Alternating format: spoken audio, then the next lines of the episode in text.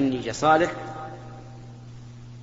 وأن الإنسي قد يعني أحسن إليه في علم أو نصيحة أو أو أو أعجبه أعجب الجنية وصار الجني يخدمه. فقد ذكر الشيخ الإسلام رحمه الله أن ذلك لا بأس به وأن الاستعانة بالجني على غير ظلم وبطريقة مشروعة لا بأس بها لا بأس بها. وذكر آه ذكر آه قصصا عن عن السلف الصالح. نعم. يا شيخ جزاك الله خير. بالنسبة لصلاة المغرب للمسافر مثلا أنا مسافر وجيت لمسجد أنا ما صليت المغرب حضرت صلاة العشاء. الجماعة يصلون العشاء أربع ركعات. أنا ما صليت المغرب.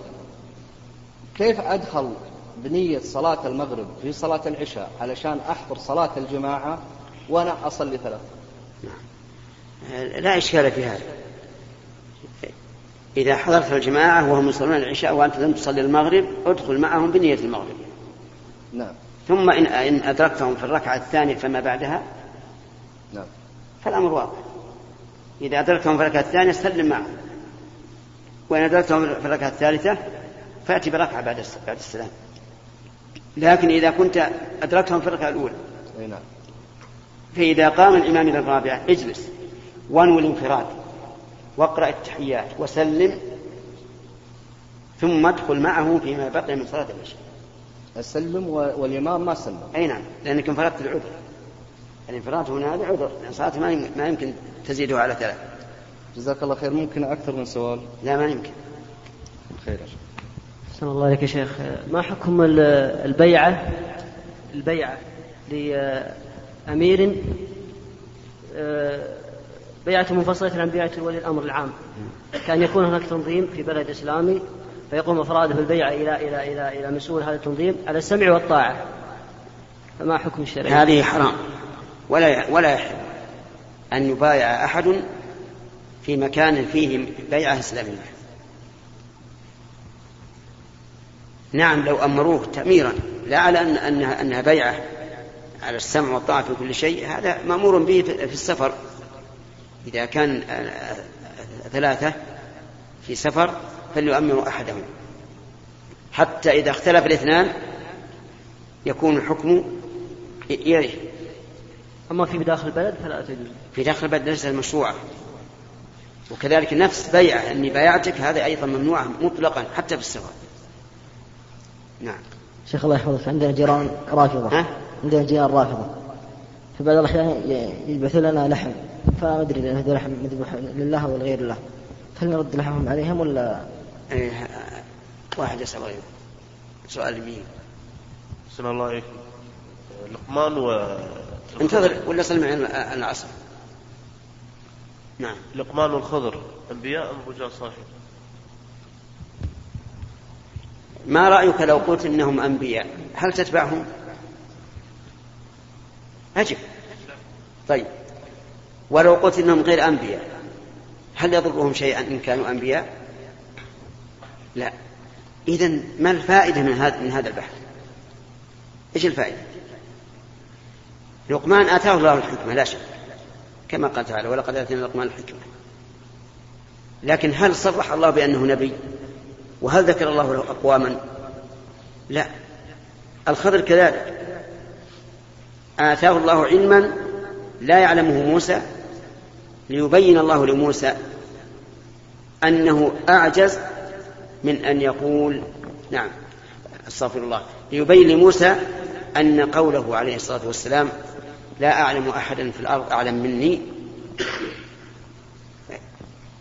قول ينبغي للإنسان أن يعرف قدر نفسه فيه. فهيأ الله له الخضر والخضر أعلمه الله عز وجل بما يستقبل فيما قص الله علينا وليس بنبي.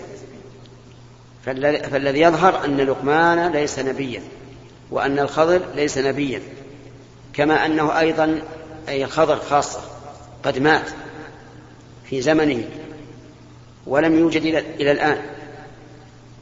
وبعض الناس المساكين يقول الخضر موجود الآن ويدعون أن أنه قد يحضر الجلسات العلمية.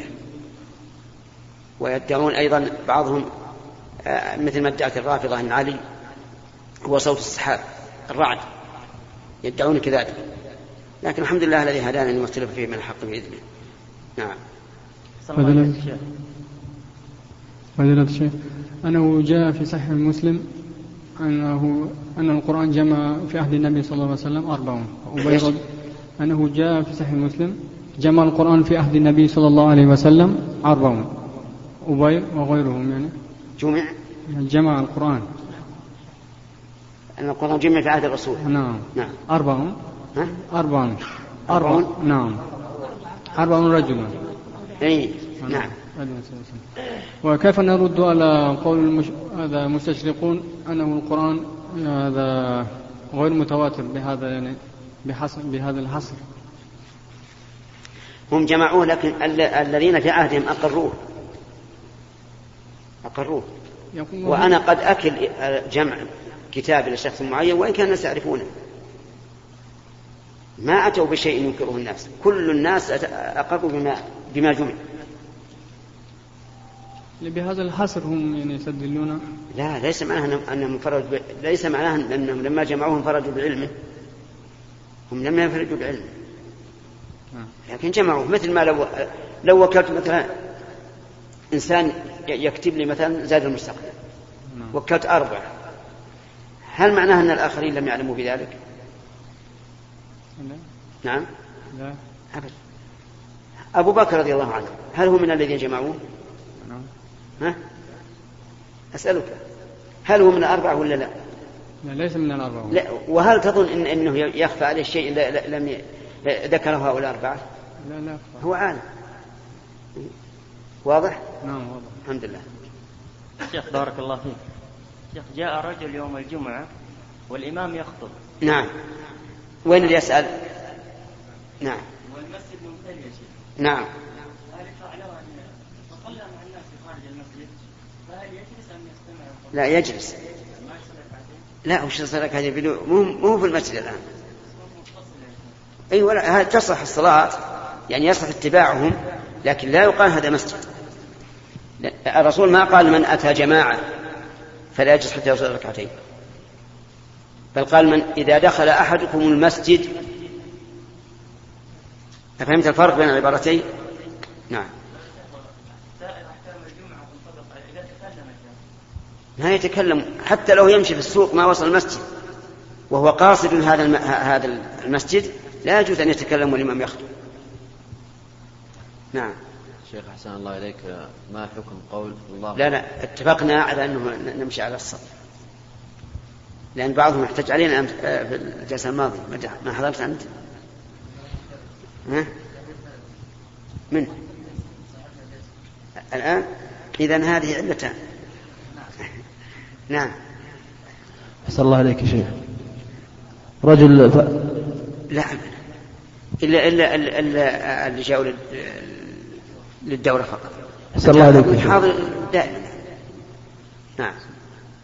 رجل فاتته صلاة خلوكم ممن يؤثرون على أنفسهم. نعم. يلا يا أخي.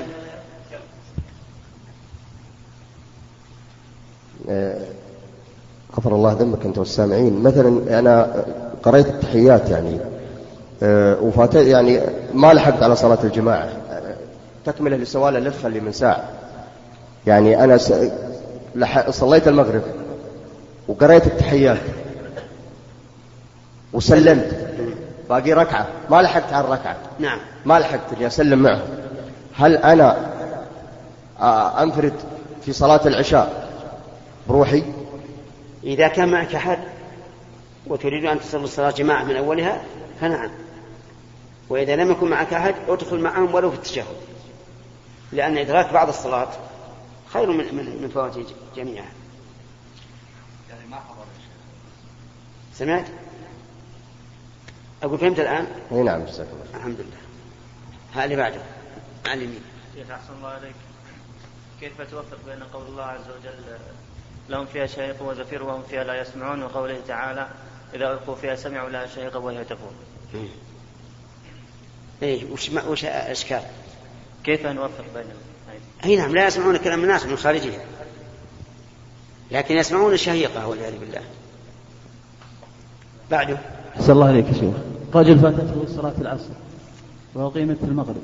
ماذا يجب عليه؟ نعم رجل فاتته. صلاة العصر. نعم. وأقيمت صلاة المغرب.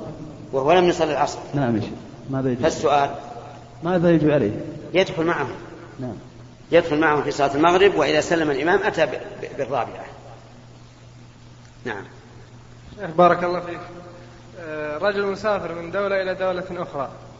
والدولة المسافر إليها يملك له في بيت فيها. إيش؟ الدولة اللي سافر إليها لم يكن فيها مسجد؟ لا الدولة المسافر إليها ها؟ الدولة المسافر إليها؟ نعم. له فيها بيت. فهل يتم الصلاة أم يقصر؟ لكن هل هو يسكن في هذه في هذه مثلا شهرين ثلاثة وفي الأخرى ثلاثة أشهر شهرين ثلاثة ولا إيش؟ لا المسافر إليها تقريبا يعني إجازة الصيف. ما هو الذي يأتي؟ آه يأتي خلال الصيف. إيه. إذا لا يقصد لا يقصر. أي نعم. لأن هذا له منزلان في الواقع. جزاك الله خير. نعم. بعد. من اليسار. له مسألة تساهل تساهل فيها فيها بعض من المشايخ في بلادنا. وهي مسألة العقد النكاح بلا ولي. إيش؟ مسألة النكاح مسألة عقد النكاح بلا ولي. بلا ولي. نعم. فما الحكم في هذه المسألة مع أدلة الكتاب والسنة؟ وهؤلاء المشايخ يتفرعون بأذ- بأعذار يقولون أن الولي لا نستطيع أن نحضره. إذا كانت مثلا المرأة في مكان في بلد غير بلد الولي كذلك يقولون لا نستطيع أن- نحصل عليه بالهاتف إذا كانت البلد بعيد بعيد من القرى. نعم. وإذا مثلا إذا حصل العقد إذا حصل العقد بهذا بهذا الشكل وأجاز الولي بعد الخلوة أو الدخول هل تملي هل يملك هذا العقد أو بعقد جديد؟ أولا بارك الله فيك اعلم أن بعض العلماء يقول إن إنه إذا كانت المرأة عاقلة بالغة فلها أن تزوج نفسها ولا تحتاج إلى ولي. فلعل العلماء عندكم يرون هذا الرأي. فهم؟ الصحيح أنه لا يصح لا يصح نكاح إلا بولي. وإذا كان الولي غائبا تنتقل الولاية إلى إلى من بعده. فمثلا إذا كان أبوها غائبا ولها عم قلنا لعمها زوجها. إذا لم يكن لها أقارب زوجها القاضي. إذا لم يكن قاضي يزوجها الأمير في في قريتها. فهمت؟ إذا مضى على إذا لم إذا لم يكن أمير فتوكل من تراه أهلا لذلك. وإذا مضى على هذا الشكل والصحيح قلنا أنه لا يصح. هل يؤثر في الإرث مثلا إذا جاء الولد و... لا الولد ال- ال- إذا كان الزوج حينما دخل على زوجته التي تزوجت بلا, بلا ولي يعتقد أن النكاح صحيح فالولد ولد. لكنه إذا تبين له بعد ذلك أن النكاح غير صحيح يعاد العقد فقط فقط. نعم. الله إليك يا شيخ. كيف يطلب العلم الشخص اللي موجود مرتبط بوظيفة؟ إيش؟ كيف يطلب العلم الشخص اللي مرتبط بوظيفة في من في منطقة لا يوجد فيها علماء؟ وهل اقتناء الشريط الإسلامي للعلماء؟ وهل وهل اقتناء الشريط الإسلامي؟ نعم.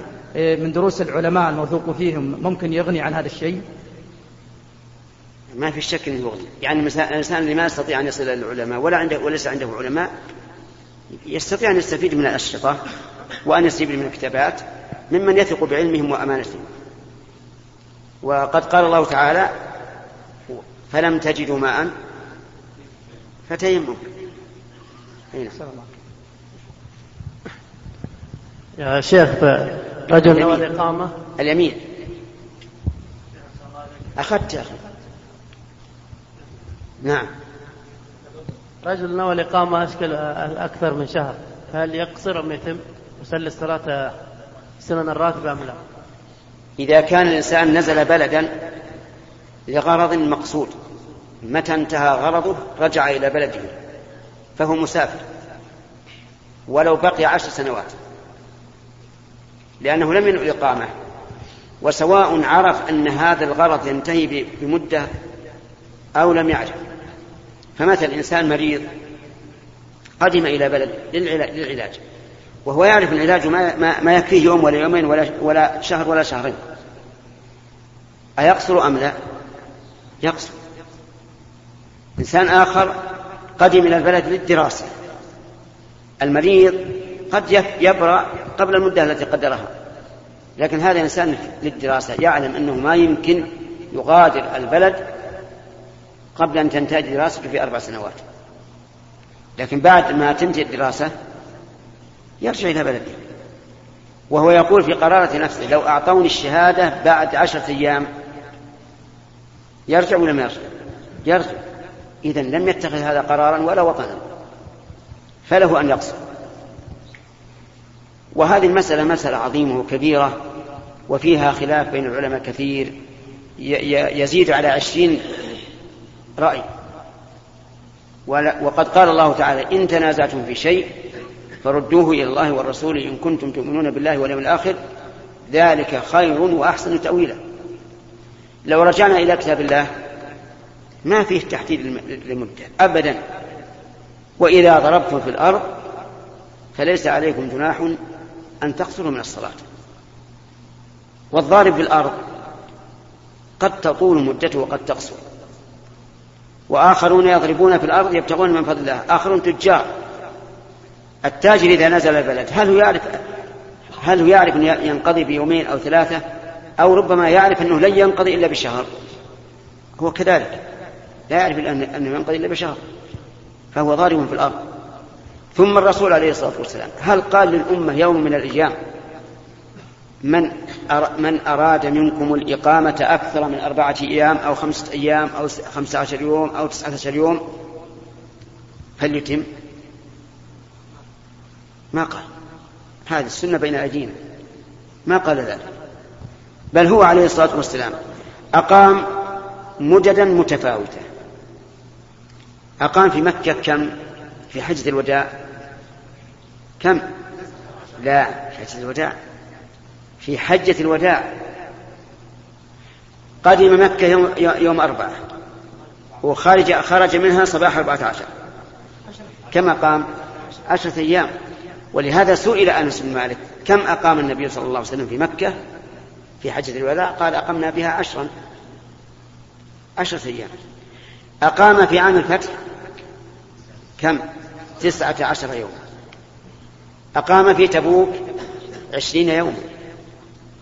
ولم يقل للناس من أقام هذه المدة فليقصر ومن زاد فليتم. بل هو عليه الصلاة والسلام قدم مكة في اليوم الرابع. وجعل يقصر الصلاة. إلى أن رجع للمدينة هل قال للناس من قدم قبل اليوم الرابع فليتم؟ أبدا ما قال. وهو يعلم هو نفسه صلوات الله وسلامه عليه أن الحجاج يقدمون قبل اليوم الرابع. قال الله تعالى الحج أشهر معلومات. متى تبتدئ الأشهر؟ من شوال من عيد الفطر.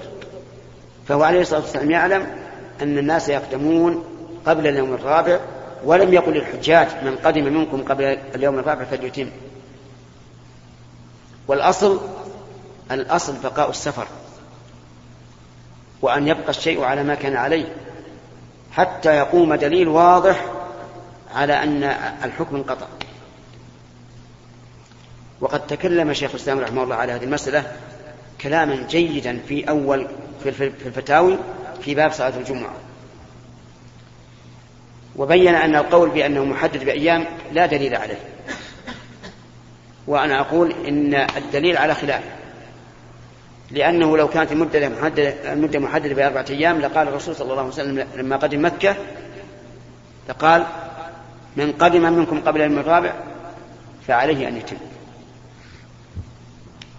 المهم أن الإنسان إذا قدم إلى بلد يريد علما أو تجارة أو زيارة قريب فهو مسافر ولو طالت المدة يترخص برخص السفر كلها. نعم. شيخ بعد من اليسار. نعم. شيخ نقل وشاع عنكم القول بأن المسلم لا تقبل له صلاة وإن صلى مئة صلاة. نعم. هل هذا صحيح يا شيخ؟ هذا في خلاف بين العلماء مبني على أصل وهو هل الذي يصلي في بثوب محرم عليه هل تبطل صلاته أم لا؟ كما العلماء من قال إنها تبطل لأنه يشترط في الثوب الذي تستر به العورة أن يكون مباحا وهذا محرم. ومنهم من قال إنها تصح لأن هذا التحريم لا يختص بالصلاة. إذ أن إسبال الثوب حرام في الصلاة وخارج الصلاة. فلما لم يكن مختصا بها لم يكن مبطلا لها. وهذا القول أصح إلا إن صح الحديث في هذا في أن المسبل آه، يجب عليه إعادة الصلاة فإذا صح فلا قول لأحد بعده. نعم. شيخ بارك الله فيك آه، ما حكم دفع المال آه، الذي دفع لإفطار الصائم؟ إلى إفطار صائم في رمضان إلى إفطار صائم في غير رمضان. إذا كان الذي تبرع بالمال لإفطار الصائم يريد الصائم في رمضان فلا يجوز أن يدفع هذا المال في صوم نفل. لأن حتى لو كان لو كان في صوم قضاء قضاء لرمضان فالظاهر لي أنه لا يجوز. لأن العرف والعادة أن من تبرع لإفطار الصوام في رمضان أنه يريد المفطرين متى؟ في شهر رمضان فقط. نعم. ما حكم ما حكم غسل فرج الطفل؟ هل ينقض الوضوء؟ لا. يعني مس عورة الطفل لا ينقض الوضوء. بل مس عورة الإنسان البالغ لا ينقض الوضوء. إلا إذا كان لشهوة. وبهذا نجمع بين حديث طلق بن علي وبسرة بنت صفوان فإن حديث طلق بن علي أن النبي صلى الله عليه وسلم سئل عن الرجل يمس ذكره في الصلاة عليه الوضوء قال لا إنما هو بضعة منك. حديث بصرة من مس ذكره فليتوضأ.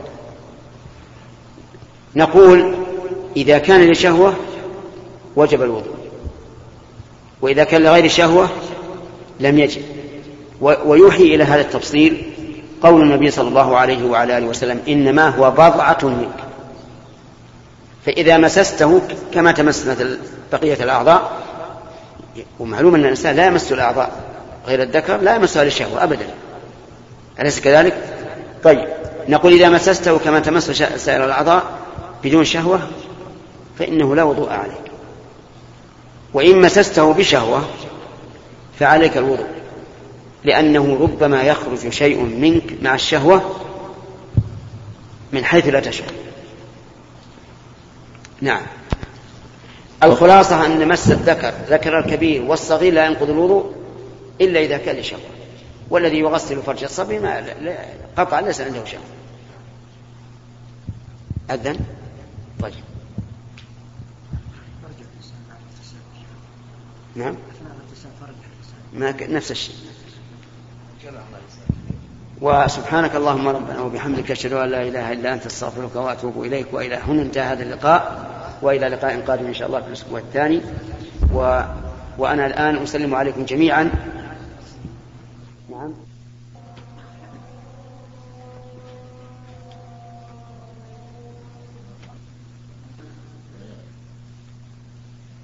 ما حكم حضور دروس أهل البدعة؟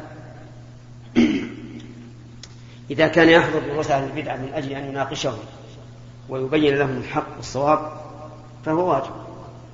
وإذا كان يريد أن يتعلم منهم فلا فلا يتعلم منهم. حتى لو كان في غير العقيدة مثل لو كانوا يدرسون في النحو أو البلاغة لا تقربهم لأنهم قد يدرسون السم في الدسم وأيضا إذا حضرتهم ربما يغتر بك أحد من الناس. يقول هؤلاء ليس في حضور دروسهم بأس. حتى في النحو. يجيب الله غيره. إلى الكتب. يقول ما الحكم إذا تاب السارق قبل القدرة عليه فهل يسقط عنه الحد؟ الجواب نعم. إذا تاب السارق قبل القدرة عليه فإنه يسقط عنه الحد ولكن يضمن ما سرقه لأنه حق آدم.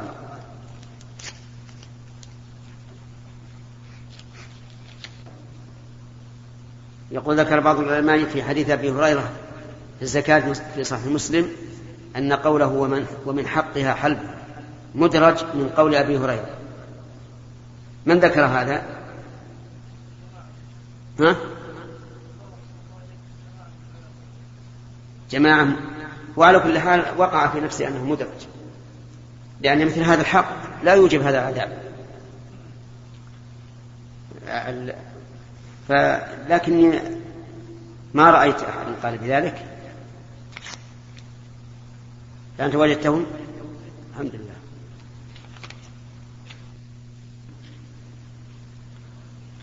يقول ما حكم الصلاة خلف إمام حالة اللحية والشارب بالدخان لا بأس. لا بأس أن تصلي خلف حالة اللحية وشارب الدخان والأكل إن صح. ولكن هل هذا إمام راتب دائم في المسجد ولا أصابته في الطريق؟ ها؟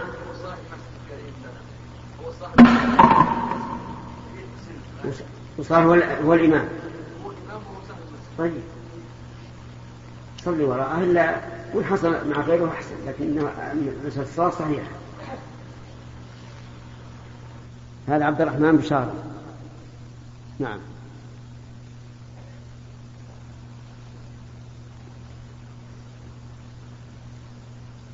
كيف نجمع بين قوله تعالى وقل المؤمنات يغضضن من أبصارهن وبين قول النبي صلى الله عليه وسلم لعائشة أتريدين أن تنظري إن القرآن يقول يغضضن من أبصارهن ول- ولم يقل أبصارهن. يعني فدل هذا على أنه النظر الذي ليس فيه محذور لا بأس به.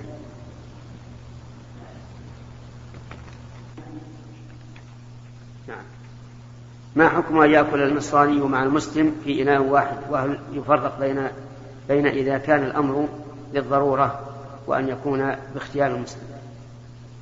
لا شك أن مخالطتهم لا, لا تنبغي.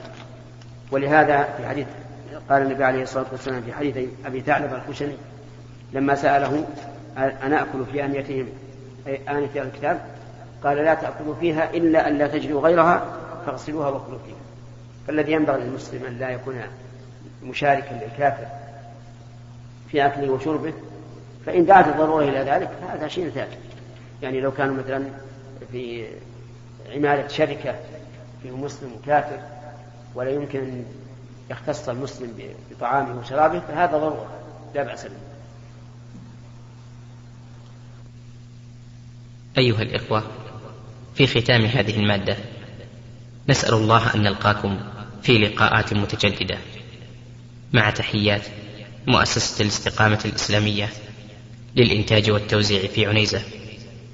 شارع هلالة رقم الهاتف والناسخة الهاتفية صفر ستة ثلاثة ستة أربعة ثمانية ثمانية ثمانية صفر والرقم الثاني صفر ستة ثلاثة ستة أربعة خمسة ثمانية ثمانية صفر. ورقم صندوق البريد اثنان وخمسمائة وألف.